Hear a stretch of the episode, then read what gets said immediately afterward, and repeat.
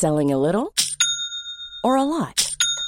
Shopify helps you do your thing however you cha-ching. Shopify is the global commerce platform that helps you sell at every stage of your business. From the launch your online shop stage to the first real life store stage, all the way to the did we just hit a million orders stage. Shopify is there to help you grow. Shopify helps you turn browsers into buyers with the internet's best converting checkout.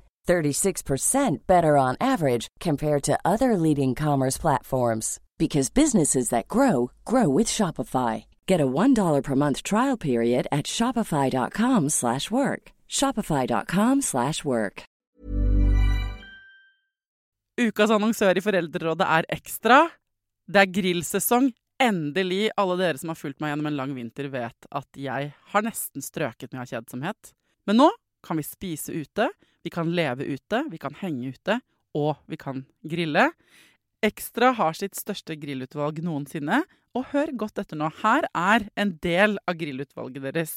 Habanero-pølser, salsiccia-pølser, black aged pepper-pølser, cheesy bacon-pølser, beefy burger, cheesy burger, skinny burger, big beefy gourmet-burger, fiskeburger med hvitløk, fiskeburger med bacon, rødbet og søtpotetburger, soppburger, barbecue, grillfilet, svinenakke med oregano og tomat, urtemarinert fårefilet, brisket, eller brisket som det egentlig heter, T-bone steak, flank steak, tomahawk, laksefilet med pesto, laksefilet med sitron, scampi med hvitløk og urter, crispy fiskeburger med ost, kyllingfilet med sitron og urter, kylling overlår, gyros, kyllingspyd, smoke, barbecue, lårfilet av kylling og entrecôte. Takk for meg. Dette er bare noen av produktene i Ekstra sitt største grillutvalg noensinne, og kommer bl.a. fra Norges mest prisvinnende grillserie, Grill Perfekt.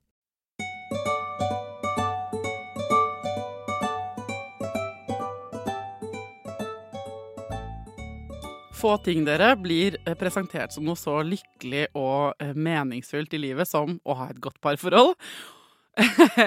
og få ting er, spør du meg, så utfordrende som å være i et parforhold. Da jeg la ut på Instagram her forleden eh, om noen av dere hadde et spørsmål til en parterapeut, så skal jeg love dere at dere var gode på å respondere. I dag har jeg tenkt å få svar på flest mulig av de spørsmålene dere har sendt inn. Hjertelig velkommen til Foreldrerådet, folkens.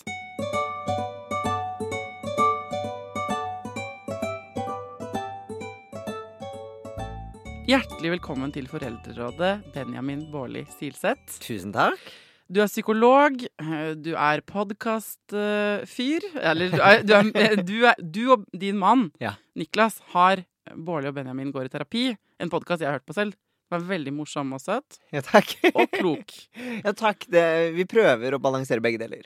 Og så er du jo eh, parterapeut i Gift ved første blikk, som er på TV nå. Mm. Og så fortalte du meg på veien at du er psykolog hos Dr. Drop-In, så man Ja. kan booke deg på en måte på selv. Absolutt. Jeg, jobber eh, i det private markedet nå, eh, som gjør at det er veldig lett tilgang. Det er jo ikke eh, gratis, men det er veldig lett tilgang. Så det går an å booke time hos meg der, ja. Ja, men det er jo sånn man, Hvis man har sett deg på TV, tenker man sånn OK, må jeg bli med på Gift ved første blikk hvis man liker deg som terapeut, da? Oh, ja, ja. Men du må ikke det. Nei, du må ikke det. Du må ikke det. Jeg, tar, jeg har både individualoppfølging og eh, parterapi, Ja. faktisk. Og det er eh, det sistnevnte temaet der du er her for nå, fordi jeg har lyst til å hjelpe alle de folka som hører på foreldre og som er i par, Mm. og som strever litt. Ja. Jeg føler jo at i dag er 714. januar Mm. 2023. Og jeg tror det har gått eh, litt hardt utover parforholdene også. Ja. For da jeg åpnet innboksen min i Instagram og sa sånn Hei, folkens, hva trenger dere å høre om? Mm. Er det noen som lurer på noe til en parterapeut? Så har det bare dundret inn de siste timene. Altså, gøy! Ja, det er gøy! Eh, eh, eh, Det er gøy. Men jeg tror folk sliter litt der ute. Ja, eh, og det eh, er jo ikke like gøy. Eh, og så er det, jeg tror for min del, da, eh, som er litt eh, glad i fagfelt og sånn, så blir man innimellom litt sånn eh, profesjonsskadet også. Eh, at når jeg hører at sånn åh, nå er, nå er det egentlig mange som har det vanskelig med mange spørsmål, jeg sånn yes! Ja. Da skal vi gå inn i det. Ja. Jeg liker det veldig godt. Du klør i fingrene dine med en gang. Ja, det gjør det. Hvis vi skulle laget et level 1 Jeg har tenkt litt på det i dag og de siste dagene. Hva er level 1 i parforhold? Hva er det vi strever med? Mm. Eh, så har jeg en hypotese om at vi kan begynne på første kapittel som Og det kunne hett, forslag fra meg, kommunikasjon. Ja, den er fin. Er du enig? Ja, den er veldig god. Hvis vi skulle tatt det fra scratch, hva er god kommunikasjon, på en måte? Altså, det, jeg mener jo at god kommunikasjon, ideelt sett, og det er viktig å si at jeg snakker fra et ideelt perspektiv, som er veldig vanskelig å holde i, i hverdagen, så tenker jeg jo at god kommunikasjon er når vi kan være rolige, tydelige, rasjonelle og kanskje en smule direkte. Ja. Fordi jeg tror mange av oss tenker at vi kommuniserer direkte og er veldig tydelige hva vi mener og hvor vi står og sånne ting. Men så lar vi det ofte være opp til partneren vår å tolke litt hva som sies mellom linjene. At vi Mm. gjerne ønsker at partneren skal kanskje skjønne mer enn en det som er mulig. eh, Og at vi tror at vi er litt tydeligere enn det vi kan. Enig. Altså, hvis man husker fra, husker fra videregående, så lærte man om sånn mediekommunikasjon på en måte litt sånn i norsken eller et eller annet fag. Samfunnsfag, sikkert. Og da er det jo sånn eh, mottaker og avsender. Ja. Og god kommunikasjon er jo liksom at du sender en beskjed, og at den blir mottatt sånn som du mente den. Mm. Og det er vi kan allerede, det er noe av det vanskeligste vi driver med. Nesten overalt. ja, ja, ja. På jobb, i, med barna våre. Altså, jeg vet ikke hvor mange ganger man gir beskjeder til barna sine som bare blir mottatt som noe helt annet enn det man sier. Nei, det er, for det er jo litt som den derre eh, leken hvor du skal eh, Du får et ord, og så skal du sende det videre til nestemann ved å hviske det i øret. Som skal sende det videre til nestemann igjen, til nestemann, til nestemann, og så skal sistemann tegne det ordet som blir sagt. Og så veldig ofte når jeg har lekt den leken med andre, så er det jo noe helt annet som blir tegnet enn det som opprinnelig var. Og det handler jo om at det er veldig vanskelig å videreformidle hele veien. Det er det. Og man kan øh, føle at man sier ting Mm. helt rett ut. Og så kan du, selv om du kanskje til og med gjør det, la oss si du har filmet situasjonen, så det blir, du har bevis på at det har blitt sagt rett ut. Ja. Som jo også er sjelden at man, man, sant, man tror man er tydeligere enn man er. Men la oss si man er så tydelig som man tror, Mm. sånn som man av og til er, så kan det fortsatt bli misforstått. Ja. Og det er det som er så ko-ko. Mm. Så um, grunnen til at mange føler seg litt sånn ensomme, tror jeg er at de, de føler at de sier ting. Og da blir man ensom, da. Når den, eller føler at den andre driter i deg. Hvis den ikke tar hensyn til det du føler at du har sagt. Ja, vi har jo sånn grunnleggende menneskelig uh, behov av å bli sett og uh, kjenne oss respektert og hørt og alt det der. Det er jo liksom motvekten til ensomhet, nemlig tilhørighet. Sånn at uh, jeg syns jo at Jeg forstår veldig godt at det kommer ut fra dårlig kommunikasjon eller misforstått kommunikasjon eller kommunikasjon som ikke er ideell, da. At vi kjenner på den litt sånn tomme og vonde følelsen som ofte fører til frustrasjon, tristhet, sinne Mm. eh, osv. Som plutselig da kommer ut over partneren. Eh, og så står partneren der som et eneste stort spørsmålstegn og ikke skjønner noe som helst. Mm. Eh, fordi kanskje begge to egentlig ikke skjønner så mye av den situasjonen man er i. i utgangspunktet. Men hvorfor er det så vanskelig Altså hva øh, Hvis vi skal ta avsender først, da. Ja. Hvordan kan jeg levere en beskjed på en tydelig måte? jeg tenker jo at vi har liksom noen sånne viktige ting som i hvert fall jeg liker å øve på da, i terapirommet når vi jobber med kommunikasjon. Eh, det ene er jo å være kortfattet. Eh, mye forskning viser jo at etter hva er det, 20 ord i en setning, så begynner folk å falle av. Å, Eh, herregud! Ja, og det, det er ikke mange ord. Jeg er jo kjempedårlig på det selv. Jeg har brukt langt mer enn 20 år nå, og jeg forventer at noen skal lære av det her, så dette er jo dårlig. Dette er et dårlig eksempel. Ja, men enig. Altså, jeg føler det motsatte. Jeg kommer tilbake til det. Ok, forklar. Jeg, jeg må tro deg. Du er jo eksperten her. Ja, eller, ja og så er det viktig for meg å si at det er jo ikke jeg som har gjort den forskningen. Eh, men når vi jobber med det, da, så er det i hvert fall eh, kortfattethet som er kjempeviktig. Fordi ofte så har vi lyst til å få fram ett budskap. Så det å være tydelig i det, kortfattet i det, og sørge for å holde seg til én ting av gangen, er kjempelurt. Mm. Eh, hvis jeg kommer til deg og sier at eh, nå er det veldig fint om du handler Meg Elk Nå surrer jeg med ordene her. Ja, men Meg kan jeg skaffe. Melk og potet. Mm. Og så henger du opp klærne når du kommer hjem, og går tur med bikkja, og setter vekk den sekken fra i går. Så kan du banne på at du ikke klarer å huske alle disse tingene her i en hektisk hverdag. Mm. Og da føler ikke jeg, eller mener ikke jeg, at jeg har så stor rett til å bli sint på deg for at du ikke husker alt det. Det er umulig å huske alle disse tingene. Så kortfattethet, én ting av gangen, og det å være så tydelig som mulig når vi kommuniserer. Ikke legge opp til at man skal tolke hint og lese mellom linjer hele tiden, for det er ikke alltid vi har kapasitet til det. Og det syns jeg er veldig eh, synd. Eh, men eh, sånn er det.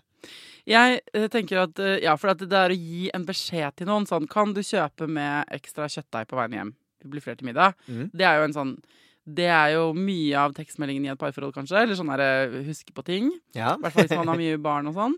Men Også uten barn, det kan jeg skrive under på. ja, ikke sant? Um, og det er jo ofte ikke Det kan bli friksjon der òg. og jeg har fått inn et spørsmål fra en lytter som, sa, som skrev uh, uh, hvor, Hvordan kan jeg unngå å bli sint på mannen min når han hele tiden glemmer å gjøre det han sier at han skal gjøre? Oh, ja. Eh, så apropos, sånn, så Noen ganger så er det rot i friksjon. Mm, Eh, men så er det jo de derre eh, Hvis man skal faktisk ikke hinte med noen ting, Mm. så er det jo enda sårere hvis du ikke blir tatt imot på en koselig måte, f.eks. Ja. Hvis jeg kommer hjem og sier sånn 'Å, herregud, vet du hva jeg så i dag på jobben?' Og så har jeg lyst til å fortelle noe, så har jeg iver i stemmen min og stjerner i øynene. Og jeg blir møtt med sånn eh, nesa i en skjerm eller eller irritasjon i kroppsspråket. Ja. Jeg kunne jo sagt sånn 'Jeg er full av entusiasme, kan du lytte til meg nå?' Det ville jo vært direkte. Det jeg hadde Ja. behov for. Mm. Men jeg uttrykker det jo ikke sånn. Jeg uttrykker det jo gjennom noe annet. Så da er vi vekk fra det der kjøttdeig og melk-greiene til sånn eh, Til egentlig det du sier er hint. Mm. Og jeg føler at mesteparten av kommunikasjonen vår, for å gjøre det enda vanskelig, da, folkens, fungerer jo sånn. Ja. At vi ikke sier akkurat Det er ikke sånn 'Jeg trenger at du ser meg nå, så jeg føler meg pen'. Man Mm. sier jo ikke det. Man sier du har Man snakker kanskje på en litt annen måte, eller? Hvor det er det som er liksom Mm. Eh, Ja, jeg, jeg, skjønner, jeg skjønner veldig godt hva du mener. eh, Og jeg, jeg må jo innrømme at jeg også er jo en som kan droppe hint i mitt eget parforhold og, og prøve å få til ting på den måten, og det har en 90 sjanse for å feile. Okay. Eh, Så det går ikke ofte så bra. Og jeg tror at sånn som i det eksempelet du har nå, man kommer hjem fra jobb, man har opplevd noe kult, man har lyst til å dele det med partneren sin og gleder seg til å fortelle om det og bli møtt med liksom at man kan dele den gleden eller spenningen litt, så tror jeg også vi ofte glemmer at vi kanskje er på forskjellige steder i både liksom humør og stemningsleie Mm. um, når vi endelig møtes. Jeg vet jo ikke nødvendigvis om min partner har hatt en dritbra eller en dritdårlig dag, men hvis jeg har hatt en dritbra en, og han har hatt en kjempedårlig en, så er det jo vanskelig for han å matche mitt nivå når jeg kommer hjem. Mm. Så det, eh, det jeg tror er lurt for mange å gjøre, det er å prøve å synke litt i starten. F.eks. etter en arbeidsdag, da, når man har eh, vært lenge borte fra hverandre. Det å prøve å synke litt og finne liksom en slags sånn felles plattform. Hvor man eh, klarer å komme på hverandres nivå. Mm. Eh, og også syns jeg den er veldig fin den der hvis du blir møtt med nesa i en skjerm. da Det å sette seg ned og bare sånn Du, jeg har veldig lyst til å fortelle deg noe. Har du fem minutter nå? Ja, altså jeg, min kjæreste Knut han lever jo i et lite helvete med dette her. For jeg er jo sånn som eh, Jeg har på en måte skjønt det der at jeg må si hva jeg trenger. Så jeg sier det hele tiden. Mm. Og det er jo også litt sånn der, eh, slitsomt, sikkert. Fordi jeg er sånn Jeg har behov for at du rommer meg nå og mine følelser. OK. Og så jeg prøver å tenke, for da er det ingen unnskyldning. Da har jeg gjort alt jeg kan. Og hvis han da ikke møter meg, så kan vi diskutere noe, på en måte. Men da skal jeg prøve å være tydelig. Men selv jeg, selv om jeg har hatt liksom det som hovedoverskrift eh, for meg selv Ja. i, i, siden, i de siste årene vi har vært sammen, så er, kan jeg først, eh, fortsatt nå liksom, kartlegge hvor mye jeg, som er så direkte, fortsatt ikke sier. Mm. Hvis jeg har det dritt, og vi kommer til ett lag liksom, av sårbarhet, da Ja. blir det Da setter det seg fast i munnen på meg. Hvordan da? Nei, sånn at um, La oss si at jeg har først vært sånn eh, entusiastisk med noe, Ja. og så blir jeg møtt med fraværenhet. Mm. Og så sier jeg du, jeg trenger at du lytter til meg litt oppmerksomt. Sier han oi, ja, det kan jeg godt. Mm. Da føler jeg at jeg har på en måte gått over streken, over broen til han, gitt han helt klar beskjed. Ja. Så da er det mer sårbart hvis han da også blir distrahert mm. mens jeg forteller. ja. Og hvis han i tillegg da på la oss si runde tre, eh, så prøver jeg enda en gang. Da vakler stemmen min litt mer. Da er jeg ikke så entusiastisk lenger. Og så, hvis han da på en måte feiler på å catche hva jeg Du vet, sånn responderer på feil ting. ja. Eller bare ikke catcher meg, da. Mm. Så jeg får et signal om at han fortsatt er fuckings fraværende. Mm. Så kan jeg bli lei meg, og da orker jeg ikke å gå over den kommunikasjonsbroen enda en gang. Nei, det Skjønner skjønner jeg. Ja. Og så kan jeg bli da sur, litt sånn fraværende selv, bare trekke meg tilbake. Tenker nå er ikke han Han er ikke kontaktbar. Han later som han er det. Mm. Han er ikke det. Kanskje han har sine ting, og greit nok. Men da må jeg på en måte gi space helt til han skjønner selv. Og det gjør han ganske ofte, da. Ja. Men det tar noen timer. Du, hva er det nå? Nå merker jeg at det er noe. Og da, kan, da må jeg si sånn Jeg ba deg helt tydelig om å høre på meg i stad, og du gjorde ikke det. Og da er det mye van... Da når jeg først har blitt sånn krenka, da, Mm. eller ikke sett, ja. så sitter det fast. Mm. Og dette ser jeg i innboksen min at folk deler sånn Når det blir sårt, det er da det blir ordentlig vanskelig. Ja. Selvfølgelig. Eh, og det tenker jeg Da er vi litt tilbake til den der, dette eh, urbehovet for å bli sett og, og hørt, og egentlig litt sånn emosjonelt validert i, i, mye av det vi står i. Mm. Det er en fantastisk god følelse, enten det er glede eller sorger, eh, å kjenne på at noen liksom setter seg ned med deg og er sånn Du, det der høres fantastisk ut. Eller å, oh shit, det høres ut som en skikkelig drittopplevelse. Ja, på ordentlig. At de på ordentlig tar tar, går inn i følelsen din, liksom. Ja, og så er det det at vi har litt forskjellig utgangspunkt innimellom. Det er ikke alltid vi klarer å koble oss på de følelsene med en gang, være seg gode eller dårlige. Og der tenker jeg at vi må være rause med hverandre og gi hverandre den sjansen. Mm. Men så er det jo noe med det når man kommuniserer det så tydelig. Får du, så får du ikke den responsen du håper på, så gjør det noe med selvbildet vårt. Det Ja. gjør jo at vi, vi føler oss ikke viktige nok. Vi føler at noen andre ignorerer det vi kommer med. Selv om du er helt transparent og på tuppen av stupet, på en måte. Ja. Og det er da det gjør ordentlig vondt. Det er derfor jeg tror mange ikke engang tør å gå ut på det kommunikasjonsstupet. Fordi hvis jeg dropper å hinte og faktisk sier helt ærlig hva jeg trenger fra kjæresten min, Mm. og jeg ikke blir hørt da, da kommer det til å gjøre så vondt at jeg blir heller sittende og hinte her borte, for det er tryggere. Ja. Ja, det blir en slags sånn, uh, forsøk på å unngå uh, å potensielt bli såret. Ja.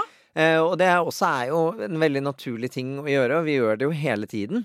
Men så går vi glipp av veldig mye gode, potensielt gode da, eh, stunder sammen ved å gjøre det også. Mm. Men det er, og det er jo vanskelig å si akkurat hva det er det handler om hele tiden. Fordi eh, som du sa, så kan det jo hende da at din partner sitter med noe annet, eller ikke helt klarer, uansett hvor tydelig du er, å skjønne Oi, var dette her så viktig? Eh, var det liksom Skulle jeg vært så påkoblet nå? Mm. Det er ikke alltid vi klarer å skjønne det. Og den er, den er veldig vanskelig, og den er veldig lei, men det er veldig mye man kan løse med den kommunikasjonen. Og så tenker jeg jo at ok, hvis den kommer noen timer senere, da. Du, hva var det egentlig som skjedde? Og man får en fin forsonelse av det, så er det noe veldig vakkert i det også. Mm. Men det er ikke nødvendigvis alltid Jeg tror vi ofte tar det personlig når slike ting skjer med oss. Og så Ja. er det sjelden ment personlig. Ja, ikke sant? Og så har man, hvis man skal legge på enda et lag, da, folkens, for å gjøre det jo enda mer komplisert, så kan jo det du forteller om, eller eh, det du prøver å kommunisere, av en eller annen grunn, uten at du vet det, så sitter kjæresten din der og blir trigget uten at vedkommende vet det engang. For det er jo ikke alltid man registrerer det. Men enten fordi han går og, eller hun går og tenker på noe fra tidligere på dagen, eller noe av det du sier føles som et angrep, selv om ikke du mener det sånn. Mm. Og da er vi på en måte Da er det ikke bare inni deg, alle disse tingene. Da vekker du plutselig sånn eh, Det er miner som bare går av inni, inni, inni det andre mennesket òg. Ja. Og da er det, det, er jo, det er jo derfor det er dritvanskelig. Mm. Det er en navigasjonsjobb ut av ville helvete. Så jeg tenker jo egentlig Fy fader, så mange som får det til. Jeg er Ja. litt overraska over det. Ja, det, ja he, helt utrolig. Og jeg tror at man etter hvert også i, i et parforhold, da, fordi eh, veldig mange som strever med kommunikasjonen i starten av et parforhold, ofte veldig naturlig. Men når man etter hvert lærer seg hverandre å kjenne også, Mm. og finner litt ut av ok, hva er det, hvordan kan jeg få fram det jeg sitter med nå, på en måte som får en god respons fra partneren min. Ja, Hva skal jeg ikke si for å ikke trigge deg, og hvordan skal jeg legge frem dette? Mm. Mamma hadde en sånn greie eh, som hun har fortalt om til oss. da. Nå lever ikke pappaen min lenger, men da de var, eh, var liksom sammen og vi var yngre, så visste hun at hvis hun foreslo noe oppussing for på hytta, så ble det nei. For han hatet det. Men hvis hun sådde et frø, som hun kalte det, Mhm. om god, en god idé, som, bare, som så kunne komme tilbake til henne som om det var hans idé. Ja. Så hun sånn, nei, det var lurt. Og så visste hun at det var hun som hadde foreslått det i utgangspunktet. Hun hadde gjort det på en sånn kvinnelisteaktig måte, kalte hun det da. Eh, At han på en måte var sånn, du, jeg ser at sørveggen begynner å skalle begynner å male, eh, male noe greier. Og så hoppet hun på og var sånn, hæ, vet du hva, kjempeidé. Og så plutselig hadde hun allerede booket en maler, skjønner du. Og Da var alt i gang da. ja, ja, ja. Det er veldig lurt. ja. Og så er det litt irriterende at man må holde på sånn. Ja, men jo men jeg, jeg, jeg syns egentlig ikke det. Nei. Jeg syns det, jeg syns det skal være helt greit. Eh, Jeg tror vi alle sammen gjør det eh, på sett og vis hele tiden, enten det er i arbeidsliv eller eh, parforhold eller hva det er. Så er vi jo Vi vil jo alltid få, på en eller annen måte få fram vår egeninteresse, og det syns jeg er helt lov å gjøre på veldig mange måter, så lenge du også sørger for å ivareta andres interesser når den tid kommer. Jeg At det er litt slag å ta. Ja, men å være sånn snikete, det Mm. er, ja, nei, det er kanskje, kanskje du har rett. At det er lov, liksom. Jeg tror, jeg tror det kommer helt an på øh, en selv. Eh, men jeg tenker hvis det er noe som gjør at øh, parforholdet kan funke, da. Si, jeg har øh, en partner, Niklas, som er ekstremt opptatt av egen autonomi. Han skal ha selvstyre i sitt liv, og friheten hans den setter han høyere enn noe annet.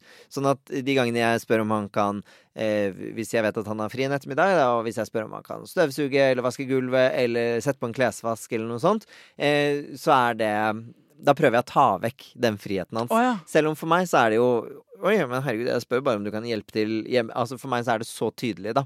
Eh, men da eh, prøver jeg å liksom eh, gjøre litt klart. Altså hvis jeg har sortert en kleshaug på forhånd som jeg vil ha vasket, eller hvis jeg har satt fram vaskeutstyr eller noe sånt, så ser han det, og da kan han ofte ende opp med å ta det selv istedenfor at jeg trenger å be om det. Og da er jo det en liten illusjon av den friheten, men det funker. Og han, og han vet at jeg gjør det. Han er veldig klar over at jeg gjør det, men det funker. Ja, for det, er, det er vanskelig for han å si ja til det du ber han om, Ja. eh, right off the bat. Mm. Men hvis han på en måte kommer på det selv, Ja. så føles det bedre for han. For da er det et eget valg. Ja, nettopp. Ja, og det, eh, det syns jeg er helt innafor. Og jeg har jo med tid og stunder skjønt at det er sånn, sånn Niklas funker. Ja. Eh, jeg funker ikke på den måten. Og der er vi forskjellige.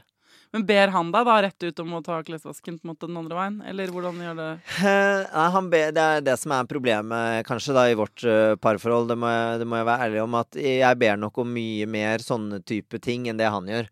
Eh, han er ikke så opptatt av det. Han ber meg om veldig lite. Han Ja. kan be om å bli kjørt eller bli hentet uh, til og fra en middag og, og sånne småting. Men han ber om veldig lite. Vi har, vi har jo litt ulike kjærlighetsspråk eh, på den måten. Ja. Jeg setter veldig pris på tjenester og, og sånt fra han, eh, men han er mest opptatt av eh, fysisk nærhet og tid sammen. Ja. Eh, og det har vi mye av fra før, sånn at hans behov er på det jevne sånn ganske dekket. Ja. Men han hater jo husarbeid, ja. sånn at de tjenestene jeg vil ha, de eh, er av og til litt lengre tid mellom. Man får jo lyst til å bare gå rett inn i dere to. Altså, det, her har, har dere jo laget veldig mange episoder av en podkast. Så man, folk kan, hvis folk vil høre grundig dere blir analysert av andre kjente folk, Ja. så er det veldig mye gøy i den podkasten, altså. Ja. Eh, Bårli og Benjamin går i terapi. Altså, eh, hun som spurte da, hvordan kan jeg unngå at partneren min blir sur? Hvis du skal ta hennes, eh, gi henne et svar på Mm. det hun spurte om. Apropos, hun har en partner som, blir, eh, som hun blir sur på når hun ber han om å gjøre ting, og han sier ja, og så ender han med å ikke gjøre det. Ja. Det ligner jo litt på dere to, bare hvis Niklas ikke hadde gjort det. Absolutt. Hvordan kan hun unngå at det koker på innsiden? Av seg selv. Ja. Ja. Um, Eller hva skal hun gjøre, på en måte? Ja, det, altså jeg tenker det er jo eh, Det er to ulike perspektiver man kan ta. Det er nettopp det. Hva, hva kan hun gjøre for å håndtere egen frustrasjon uh, og sinne? Og hvordan kan man løse det på en bedre måte? Mm. Uh, jeg tenker det å uh, prøve å håndtere det på en bedre måte selv. em, fordi vi vet jo alle hvordan det er når vi ber om eh, hjelp til noe. Det blir stadig glemt. Og den utrolige frustrasjonen som man kjenner på da, Ja, det er dødsirriterende. det er kjempeirriterende. Og så får man også en sånn rolle som en sånn maseperson. Man blir nesten en forelder i eget parforhold. Mm. Og det er, det, det, det er ingen tjent med. Det er veldig uhot. Det er veldig usexy. Ja, jeg er helt enig i det. Eh, sånn at eh, jeg tenker For det første så må man jo være litt direkte og eh, ærlig her med å si at er du faktisk sammen med et rotehue som glemmer ting, så er det person, en person du har valgt å være sammen med. Det kommer til å komme ganger hvor ting blir glemt, ting blir oversett eller ignorert osv. Det kommer til å skje. Det betyr ikke at det er noe den personen gjør bevisst mot deg. Det, betyr bare at den personen har ikke det samme fokuset. Tenker ikke på de samme tingene. Det er ikke det samme som er viktig for partneren din, som det er for deg. Det er, det er bare det det handler om. Men idet vi begynner å ta det innover oss om at hvorfor, hvorfor gjør du dette mot meg, hvorfor glemmer du å gjøre eh, de tingene jeg ber om, og hvorfor gjør du det mot meg, så kan det bli ganske sårt og mye Mm. større enn det egentlig trenger å være. Så jeg tenker det første man må gjøre, det er å ta det opp med en gang. Og si, si fra om hvor viktig det er at man husker disse tingene her som man ber om. Mm. Får man en, eh, et inntrykk av hvor viktig eh, hva det nå enn er eh, denne tingen er, eh, så øker jo sannsynligheten for at vi husker det. Og at man i hvert fall gjør et forsøk. Og her vil jeg bare si, apropos det vi snakket om i stad, her går man jo da, hvis man sier dette, jeg blir lei meg og frustrert, jeg føler meg som en masete person når jeg blir nødt til å, ikke sant, jeg får en rolle i dette parforholdet jeg ikke liker. Hvis man sier de tingene, og legger frem viktigheten av dette da, Mm. så er man jo på vei ut på det stupet vi snakket om i stad. Da er det enda sårere hvis da kjæresten din ikke gjør det du ber om. Ja.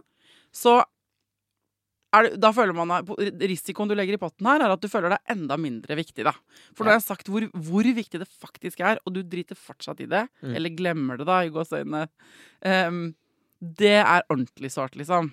Kjempesårt, og derfor tror jeg det er viktig å snakke om akkurat det aspektet også. Mm. At uh, når vi nå skal snakke om dette her, så er det kjempeviktig at vi snakker om dette på en god og ordentlig måte, uh, og at du tar imot de følelsene jeg kommer med. Mm. Jeg har ikke lyst til å være den uh, kjipe og masete og sånt, og jeg føler meg som et drittmenneske som gjør det. Og det er viktig å få snakket om. Mm. Vi kan ikke ta ansvar på andres vegne for deres følelser, for det blir kjempevanskelig. Så vi må også kunne stå i de velge å stå i de følelsene selv om at uh, nå legger jeg dette her fram. Jeg håper du tar imot det på en god måte, for mm. dette er sårt for meg. Ja, og det er litt sånn Hva er det du kan gjøre i denne situasjonen? Det kan være provoserende hvis det er kjæresten din du peker fingeren på, liksom. At det er han eller hun som er problemet. Men du kan Hva er det du kan gjøre på din side, da? Du kan gjøre ditt. Og det er å stå liksom med sitt eget hjerte i hånden og bare 'Dette er kjempevondt og kjempesårbart', og sånn. Mm. Men nå gjør jeg i hvert fall mitt. Mm. Eh, det er alt jeg kan gjøre. Og så er det jo opp til den andre hvordan den velger å ta det imot. Ja, absolutt. Da, men da tenker jeg at det er noe med å få frem hvor viktig det er at hei, mm. jeg trenger at du tar imot dette på en god måte, for jeg, jeg syns dette er litt vondt å snakke om. Og så håpe at det går bra. Ja. Eh, og med, eh, hvis det er et eh, fint parforhold, og det går an å snakke om det, så går det forhåpentligvis fint. Men det er også lov til å legge det fram og si sånn Dette er det jeg tenker. Kan du, eh, eller kjenne på kan du tenke litt på det, og så kan vi snakke om det etterpå. Noen ja. av oss trenger litt tid på å bearbeide disse tingene her, som er eh, sårt og vanskelig å vite hvordan man skal møte det på en god måte. Det er ikke sånn at alle klarer det ved å knipse med fingrene bare de hører noe. Så det å gi hverandre litt tid også til å faktisk liksom tenke gjennom ok, hva er det som skjer nå, hvorfor blir dette vanskelig for deg som kommer med det til meg, og hva, hva kan være en god måte for meg å svare på. Det kan jo også være sånn at hvis man har gått og grunnet på en ting selv, som man har gått og tenkt på og irritert seg over, om det er uh, en sånn dagliggjøremålting, eller at man ikke føler seg sett nok, eller at man ikke får nok oppmerksomhet, eller hva det nå enn er. Så har man gått rundt La oss si at det er at jeg ikke hadde følt at jeg hadde fått nok oppmerksomhet hjemme. da. Mm. Så har jeg gått og tenkt på det eh, lenge. Og da har det rukket å bli ganske sårt inni en selv før man begynner å snakke om det. Ja. Sånn at når man begynner å si noe da, så har det på en måte bygget seg opp, og da rakner det ganske kjapt. Så det der, det der å ha gjerne tenkt seg litt om, men ikke latt det vokse til noe uoverstigelig, det tenker jeg at eh, hvert fall for meg, er dritviktig. Å ta det ganske tidlig. Og det handler om å kjenne igjen ganske kjapt sånn Oi, nå følte jeg meg ikke sett. Nå har jeg ikke fått nok oppmerksomhet. Hallo, kan jeg få litt oppmerksomhet her borte? Når jeg kan si det litt sånn tullete, nesten. Ja. For da er det ikke så sårt ennå. Men hvis jeg svelger den beskjeden fra mitt indre da, mm -hmm. 20 ganger, ja. så er det ikke like lett å si det lettbeint på en måte etterpå. Nei, nei. Og eh, følelser har jo en tendens til å vokse seg mye større og skumlere enn de trenger å være, fordi vi lar de gå usagt, og de ligger inni oss og bobler og stormer, og blir bare større og større. Mm. Plutselig så blir alt vi ser, et tegn på at vi ikke får nok oppmerksomhet, og så til slutt så renner det over. Ja. Så det å ta det relativt tidlig, det er alltid en, eh, alltid en god idé. Og hvis det er noe du har gått og kvernet på lenge, er det lurt å være litt bevisst på de følelsene som er der. At oi, nå, nå, må jeg kanskje passe på at det ikke bare stormer ut med alt sammen, og dette blir irrasjonelt. For da øker jo sannsynligheten også for at man blir møtt med irrasjonalitet fra den andre parten. Mm. Hvis, jeg, øh, hvis, du plutselig hadde Si at det hadde vært til meg, da. Mm. Plutselig stormet ut om at du ikke hadde fått øh, nok oppmerksomhet i løpet av den uken som har vært, og jeg ikke kan kjenne meg igjen i det overhodet, eller ikke har tenkt på det, så er det fort gjort for meg å gå i forsvarsposisjon. Ja, og da finner man ikke så mange løsninger. Nei, ikke sant? There's never been a faster or easier way to start your weight loss journey than with PlushCare.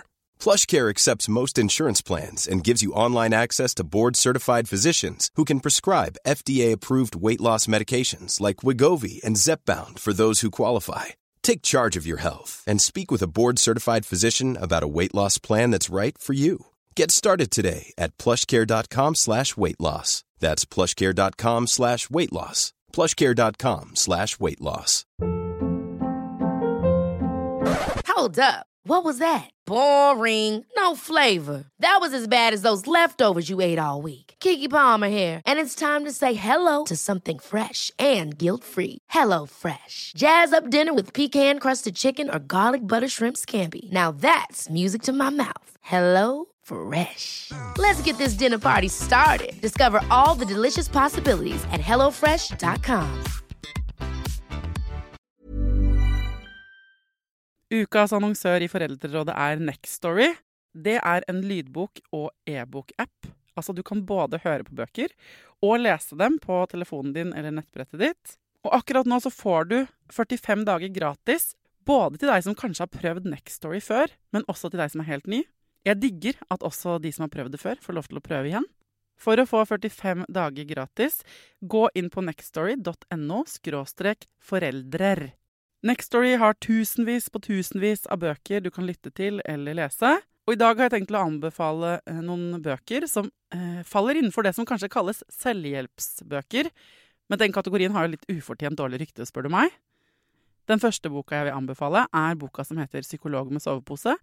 Johanne Refseth, som har skrevet den boka, var jo gjest her for noen uker siden. Den er absolutt verdt å lese eller lytte til. Andre anbefalingen jeg vil gi deg, er Sissel Grans bok 'Men størst av alt er begjæret', som handler om det å begjære noen andre enn den du er sammen med. Og jeg har også laget en episode med Sissel Gran om det temaet for et par år siden. Den boka er fantastisk. Hvis du har lyst til å prøve ut Nextory for første gang, eller eh, har prøvd ut før, men vil prøve det ut igjen helt gratis i 45 dager, gå inn på skråstrek foreldrer. Det er en som har eh, spurt meg her øh, hvorfor lar jeg mitt dårlige humør gå utover partneren min. Det er jo aldri hans skyld. Apropos det der med e, når man renner over av egne følelser. Ja, og det eh, kan jo potensielt kjennes kjempeurettferdig ut for han. Eh, og der tenker jeg, for det første, den personen som kjenner på alle disse vonde tingene, har jo en jobb å gjøre selv med å kunne kommunisere at nå handler det ikke om deg, men nå har jeg det skikkelig dritt. Mm. Og da tenker jeg at det skal gå en, ideelt sett, en varsellampe i partneren OK, hun har det jævlig. Hva kan jeg gjøre for å hjelpe? Hva mm. kan jeg gjøre for å støtte opp? Er det eh, småting som å ta i et ekstra tak hjemme? Er det å gi den ekstra gode eh, klemmen? Er det å lage en kopp med favoritt-teen og bare du, nå setter du deg ned i ti minutter og bare nyter det her, og så fikser jeg mm. alt som står på i mellomtiden? Eller er det det som folk glemmer, at jeg mener burde være level 1? Mm. Og bare lytte til det. Mm. Eller er det sånn Du, jeg skjønner at du ikke har hatt noe kult i dag. Trenger du å ventilere? Shoot. Ja. Liksom. Og bare av, Som regel så trenger vi bare å få det off our chest. Ja. Det er en veldig fin eh, video som ligger ute på eh, YouTube, som jeg anbefaler alle par å se, men egentlig alle mennesker å se, som heter It's Not About The Nail. Det er en nydelig video. Ja, jeg har sett den. Ja, Og den eksemplifiserer akkurat det her. Ja. Det handler ikke nødvendigvis om at du fikk eh, kjeft av sjefen på jobb, eller at du mistet en eh, kaffekopp i bilen, eller noe sånt. Det handler bare om den følelsen som er der, og du trenger at noen setter seg ned og bare validerer at sånn Dette høres skikkelig dritt ut. Mm. Dette høres ikke ut som en god opplevelse for deg. For jeg syns man for fort ofte i kommunikasjon går til løsning. Og jeg har en søster som av og til har vært med her i podkasten sånn øh, vi som lekmenn, da, eller kvinner, øh, ventilerer folks eh, problemer. Og hun er jo psykiatrisk sykepleier, for så vidt. Altså, hun har en fagkompetanse der òg. Men hun er så god til å bare Hun har lært oss litt uh, det, da. At vi må bare få lov til å ventilere. Og bare sitte på hendene våre, som hun kaller det. Ja. Og så bare ikke, ikke løse det. Mm. Bare la det renne ut, hva det nå enn er. Og bare stå i liksom den, den, runden, da. Ja. Um, uh, mens det vi, vi ofte selv syns det er så ubehagelig at noen vi er glad i, har det dritt. At vi begynner med sånn OK, men da kan jeg hente barna, og så kan jeg fikse det, og så kan jeg Så begynner vi sånn å løse, og det er i beste mening. Mm. Men ganske ofte er det ikke det folk trenger. Nei, og så tror jeg at man må eh, prøve å finne en slags sånn eh, prioriteringsliste, da. Eh, fordi vi er jo Alle er jo forskjellige mennesker. Noen av oss er veldig flate og jevne i humøret vårt, mens andre svinger veldig mye mer. Det å vite hva en person trenger svinger når det svinger litt nedover, det er, altså, det er nøkkelen til så mye. Ja. Om man kan sette seg ned og snakke sammen om hva det er man trenger, om det er å prate, om det er at man trenger 15 minutter liksom, timeout, eller få til den der løpeturen på ettermiddagen som er dritviktig, hva det nå enn er, prøve å si fra om at 'nå trenger jeg det'. Mm. Og så er man litt forberedt på hva det faktisk kan være. For vi har alle behov for ulike ting. Og mm. det, jeg tror det er viktig å vite litt hva er det man faktisk kan gjøre, og hva er det man faktisk trenger når det blir vanskelig. Mange av de meldingene som handler om kommunikasjon i min innboks, handler om sånn Hvordan kan jeg få han Og det er ofte han der, så det er litt sånn heteronormativt og kjedelig. Men hvordan kan jeg få han til å forstå Hvordan kan vi få til bedre kommunikasjon? Hvordan kan jeg få til bedre kommunikasjon med min mann? Hvordan kan jeg få han i terapi? Eller hvordan kan jeg få han til å sette ord på følelsene sine? Han snakker ikke om følelsene. Og dette beklager jeg til alle dere kule, følsomme, verbale menn som hører på her. Eh, det er mange menn som er veldig gode på det men det er jo, i hvert fall i min innboks, en slags kjønnsdeling der hvor det ser ut som det er en, eh, et sånn gjengs eh, problem, da. At hun vil snakke om følelser, og at uh, det skal kommuniseres verbalt med en del ting. Sånn som du også anbefaler her, Benjamin. ikke sant? Mm. Og så er det vanskelig å få til på den andre sida av forholdet, på en måte. Ja, det er et uh, kjønnsmønster som i hvert fall jeg kjenner igjen fra parterapi også. Og det kødder vi ofte med. Ja. Uh, så det syns jeg det er lov å gjøre. Men jeg tenker jo også at man må innimellom stille seg selv spørsmålet hvor viktig er det å få verbalisert og kommunisert disse følelsene på et så dypt plan? Fordi noen av oss er sjelden fornøyde, uansett hvor dypt det går. Fordi man blir ikke møtt på den måten man kanskje trenger. Eller det er ikke det man trenger i utgangspunktet. Mm. Sånn at jeg syns det er viktig å prøve å finne litt ut av ok, hva er, det, hva er det jeg egentlig trenger her. Hvor mye av disse følelsene trenger vi egentlig å snakke om? Eh, liksom, det å si 'hvordan kan jeg få han til å gå i terapi', det tenker jeg sånn Man skal aldri eh, tvinge noen med i terapi. Man skal aldri overtale noen til å gå i terapi.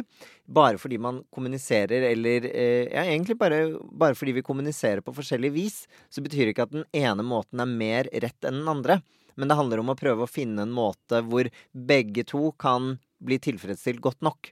Jeg har laget en hel episode hvordan få noen til å gå i terapi, faktisk. Så man kan google, så kan man eh, høre på den. Og litt av greia der, det som er hvis man har gått i terapi selv, som vi ble enige om han psykologen i den episoden, er at det er på en måte som en egen Det å kommunisere sånn som du og jeg gjør nå, da, Mm. eller å kunne sette ord på ting sånn som du beskriver, det er et eget skill.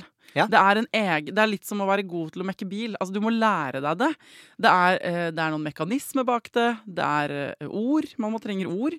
Man trenger, liksom, det er masse man trenger å lære. Sånn at det å gå i terapi er jo en bevisstgjøring av en del ting som for, veldig, for alle bare bobler og holder på 24-7. Mm. Uansett om vi snakker om det eller ikke. Ja. Ikke sant? Sånn at det er et eget skill, og det er jo ikke alle som er interessert i eh, å mekke bil. Eller å lære å kommunisere på den måten. Nei, og så er det jo eh, Det er jo en slags eh, den, Hva heter det? Den liksom gylne løsningen som vi hører om så mye, er jo at vi må lære å snakke om det. Vi må sette ord på følelsene. Vi må gjøre ditt, og vi må gjøre datt. Og så vet vi at det er så mye annet man kan gjøre enn å nødvendigvis måtte sette ord på følelsene for å håndtere dem. Det er ikke alltid snakking som er løsningen på ting. Men i samfunnet vårt nå om dagen så er det et veldig fokus på at vi må lære å snakke om det, og vi Mm. må snakke mer om det hele tiden. Og så er ikke det for alle. Nei. Det er ikke alle som trenger å snakke om det, og det er ikke alle som vil snakke så mye om det. Men vi kan gjøre utrolig mye annet for å møte de følelsene allikevel. Ja. Og det syns jeg også er veldig viktig å få fram. Fordi jeg syns aldri det skal være et mål i seg selv at man nødvendigvis må snakke og liksom gyve løs på ting på den måten. Nei. Men hvis man har lyst til det, nydelig. Kjør på. Jeg er 100% i den leiren, selvfølgelig, og mener at øh, Derfor så tenker jeg at hvis man vet selv at ditt fremste mm, verktøy for å regulere dine egne følelser og forstå deg selv, er ord, Mm. finn en annen som også er ganske god på det. Mm. Det er et godt sånn tips hvis du er singel og på markedet. Og så forelsker man seg kanskje i noen som er ja, litt god på det, men ikke så god. Eh, Eller man er av andre grunner sammen med noen som ikke er noe god på det hele tatt. Og da må man jo, litt sånn som uh, andre ting i parforholdet, da hva, Hvis man kan like hverandre på mange andre ting, og så bare akkurat der matcher vi ikke. Hvordan skal du få dekket det behovet da? Er det noen andre du kan snakke med? liksom? Og hvordan kan hva er andre ting man kan romme, Hvordan kan man romme hverandres følelser uten ord, da? Nei, det, altså, det er jo mange måter å, å gjøre det på. Det eh, kommer det helt an på hva du foretrekker selv. Men det å eh, f.eks. gjøre ting sammen, altså gode aktiviteter, tilbringe tid sammen, er også kjempehelende for mange. Av og til så kan det være at man eh, Jeg syns jeg husker ikke hvem det var som hadde den reklamen, men det var en reklame med en mann som gikk gjennom noe vanskelig og isolerte seg veldig fra alle rundt. Og så eh, var det mange som liksom prøvde å få tak i han, men kom ikke gjennom. Og så var det til slutt den ene kompisen da som sendte melding og bare sånn Hei, eh, kaffekopp på taket om, en, eh, om 30 minutter. Vi sitter i stillhet i et kvarter og drikker kaffe. Og så satt de der og bare så ut, og så smiler han. Ja. Og da var jeg sånn åh. Og der blir han møtt. Men han må ikke snakke. Han må ikke vise, liksom brette ut om hvordan han har det. Men han blir allikevel sett og hørt og tatt imot og ivaretatt av en annen. Mm. Sånn at det å være litt kreativ i hvordan kan vi egentlig møte hverandres følelser, tror jeg er kjempefint. Snakke om det er en nydelig måte å gjøre det på, men det finnes andre løsninger. Ja, ikke sant? Og hvis det har blitt komplisert, da, sånn som jeg også ser ikke sant, uh, uh, at folk skriver Det er mye sånn Man har fått flere barn, kanskje, og, og så har man uh, ulike arbeidsoppgaver hjemme, og så er den ene sliten, og så får man ikke sovet nok. Og så, ikke sant? Problemet når det har vikla seg ordentlig til, Mm. da kan det være vanskelig å bare sitte i stillhet over en kaffekopp og føle seg møtt. Ja. Da trengs det ofte litt et verktøy til, som man faktisk får liksom, ryddet opp. Og da er jo ord, med mindre man er veldig god på lyrisk dans, på en måte, det enkleste, kanskje. Eh, Det er i hvert fall noe. Ja, og de fleste av oss har det. Ja, de fleste av oss har til, det. en lang, til en viss grad, da. Mm. Ja, ja nei, nei, og jeg, jeg skal ikke si at jeg er imot at man skal prate sammen overhodet. Eh, men jeg mener bare at man må kanskje prøve å finne ut hva slags Eller hvor mye kommunikasjon er nok kommunikasjon. Ja. Eh, fordi det å finne løsninger sammen og prøve å tenke fremover på hvordan kan vi få det bedre, hva kan vi gjøre, det er et perspektiv som de fleste kan forholde seg til. Mm. Det å planlegge og fordele litt og rydde opp i et kaos som eksisterer. Men det å nødvendigvis gå inn og snakke om hvor tungt og vanskelig det kaoset er og har vært, og sånne ting, det er det ikke alle som har kapasitet til. Nei. Sånn at det å prøve å, og Det er der jeg mener at man må prøve å finne en måte som gjør at begge parter blir tilfredsstilt nok. Mm. Men det er ikke alltid man kan forvente at man får liksom hele sin pott fylt. Nei. Ok, Hvis jeg skulle prøve meg på en oppsummering da, på kommunikasjon, Benjamin, så får du bare korrigere meg hvis jeg tar feil. Altså, Kommunikasjon er det egentlig folkens, helt utrolig at vi får til. I så stor grad som vi får til. Her går vi rundt, ulike poser med hud og muskler og fett og hjerner og alt det vi har inni oss, og opplever verden fra helt ulike perspektiver. Og så klarer vi å liksom dele den virkeligheten stort sett. Det er i utgangspunktet helt utrolig. Og hvis du har en partner det er også helt utrolig. altså, eh, det at vi får det til i så stor grad. Altså, tror vi gir hverandre ikke kred nok for alt det som for så vidt går på skinner. Og det å tro at alt går på skinner, og, og også i, da, i tillegg uten at man snakker noe særlig sammen, eller, eller koder det for hverandre på andre måter, det er liksom litt utopisk. Så på et eller annet nivå så eh, hvis du strever, så vidt jeg kan høre fra Benjamin, så er det litt sånn Level 1 er sånn OK, du syns ikke kommunikasjonen i parforholdet ditt er bra nok. Se på deg selv først. Hvor god er du egentlig til å kommunisere? Hva er det du sier? Hva er det du føler at du sier? Lytt. liksom Ta et sånt selvstudium en dag, og tenk sånn Hva er det jeg tror jeg sa nå? Og hva var det jeg faktisk sa? Eh, sa jeg det med bare ord? Var det noe hint i kroppsspråket mitt? Altså, gå på sånn egenstudium først, og sjekk av at liksom du går langt nok utpå det stupet. Og hvis du ikke gjør det, hvis du ikke tør å hinte Eller sånn, du, du, du tør ikke å si hva du egentlig trenger, så er jo det interessant i seg selv. Hva er det som dukker opp i deg? Hvor redd blir du? Kan du si noe om det, da? For at jo, du må på en måte da nærme deg litt utpå og si det du trenger, for at den andre skal ha sjans i havet til å kunne navigere gjennom alle sine følelser og faktisk høre. Mm. Det er level 1. Og så er level 2 hvorvidt den partneren tar det imot eller ikke, og der er det mange veier til målet. Hvis eh, du blir frustrert, ikke sant, og du kan si ting og det ikke funker, så kan du jo prøve Benjamins eget triks, da, som bare er å? Som til hun som ble frustrert over mannen som ikke gjør ting. Kanskje hun ikke hinter nok, kanskje hun ikke setter opp ikke sant? vaskebøtta nok i hjørnet. Eh, sånn at han skjønner at han selv må vaske på veien ut. Men, eh, men level 1 på kommunikasjon er liksom Sier du det egentlig det du prøver å si? Jeg tror vi må være bevisst hvor tydelige vi egentlig er, og Ja. hva vi trenger. Um, ofte så uh, gir jeg tips om at hvis du syns det er vanskelig å kommunisere det muntlig, prøv å gjøre det skriftlig. Ja. Eh, veldig mange av oss blir mye tydeligere når vi skriver. Fordi, fordi vi skriver. Eh, og vi bruker ofte færre ord når vi sender meldinger og, og sånne ting. Hvis du syns det er vanskelig å ta det muntlig, prøv å skrive det ned og send en melding isteden. Og se om det blir tydeligere da. Ja. Eller lapp. Eller lapp. Ikke sant? Uh, ja, det er bra tips. Og så er det på den andre siden.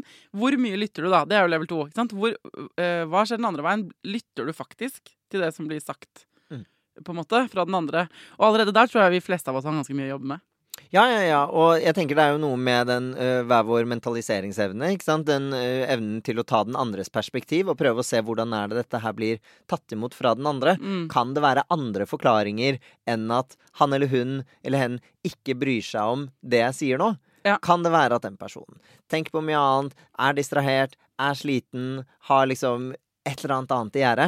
Det å prøve å møte vår første antagelse, som ofte er 'jeg blir oversett' eller 'jeg blir ignorert', med to andre antagelser, Mm. hva kan ligge bak, gjør oss litt mer mentalt fleksible Ja, til å ikke legge den verste viljen til.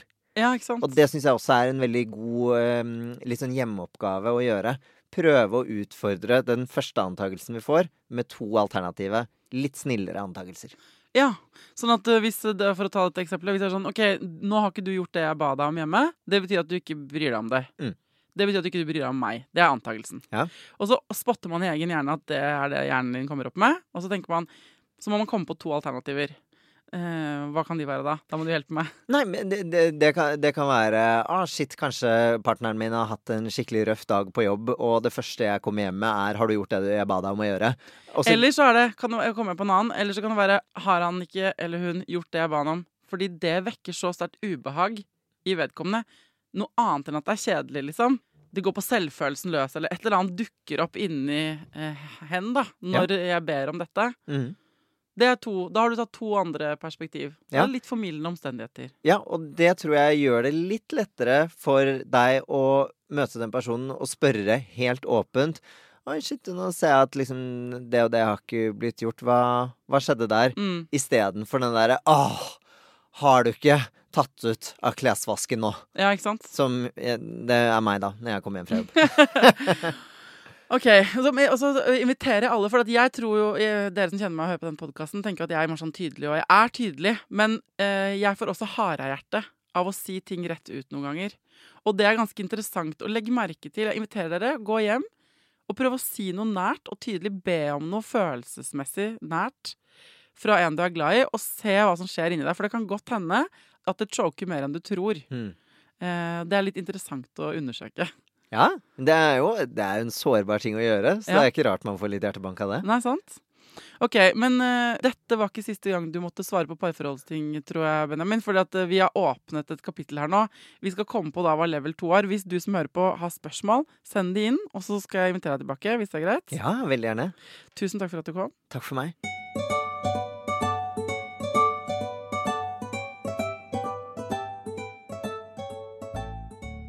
Hvis du nå sitter igjen med enda flere spørsmål til Benjamin, eller til en annen parterapeut, vær så snill og fortsett å sende meg dem. For at det, ingenting får meg til å føle meg så normal som når jeg får høre at dere også strever litt i parforholdet. Jeg syns det er kjempevanskelig eh, til tider. Eh, og jeg syns det er rart at ikke flere mennesker der ute snakker om hvor krevende det er. Det er også kjempehyggelig. Hei, Knut, hvis du hører på. Det er også veldig hyggelig å givende og alt mulig sånn. Men fy fader, jeg syns det er liksom overraskende at det går såpass bra med så mange par der ute. Så jeg lager gjerne flere eh, episoder om parforhold, om eh, alle irrgangene det er ikke sant, man skal gjennom når man skal eh, elske og ære og leve sammen med et annet menneske. Send meg dine innspill. Innboksen er døgnåpen. Foreldrerådet på Instagram. Og så foreldrerådet at gmail.com hvis du vil sende mail. Til neste gang, eh, ta vare på deg sjæl. Ta vare på ungen din, og lykke til.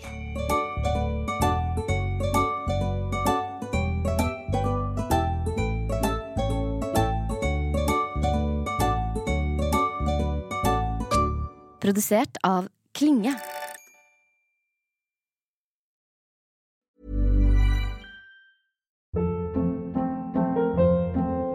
Hold up. What was that? Boring. No flavor. That was as bad as those leftovers you ate all week. Kiki Palmer here, and it's time to say hello to something fresh and guilt-free. Hello Fresh. Jazz up dinner with pecan-crusted chicken or garlic butter shrimp scampi. Now that's music to my mouth. Hello Fresh. Let's get this dinner party started. Discover all the delicious possibilities at hellofresh.com.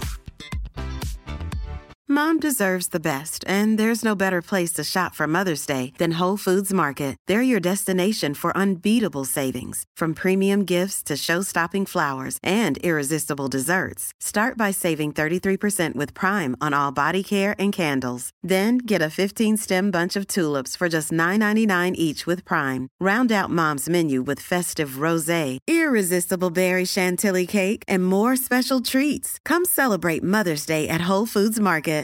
Imagine the softest sheets you've ever felt. Now imagine them getting even softer over time. That's what you'll feel with Bowl and Branch's organic cotton sheets. In a recent customer survey, 96% replied that Bowl and Branch sheets get softer with every wash. Start getting your best night's sleep in these sheets that get softer and softer for years to come. Try their sheets with a 30-night guarantee. Plus, get 15% off your first order at bowlandbranch.com. Code BUTTERY. Exclusions apply. See site for details. Hi, I'm Daniel, founder of Pretty Litter. Did you know cats tend to hide symptoms of sickness and pain? I learned this the hard way after losing my cat, Gingy. So I created Pretty Litter, a health monitoring litter that helps detect early signs of illness by changing colors, saving you money and potentially your cat's life. Pretty Litter is veterinarian developed, and it's the easiest way to keep tabs on your fur baby's health right at home. Go to prettylitter.com and use code ACAST for 20% off your first order and a free cat toy. Terms and conditions apply. See site for details.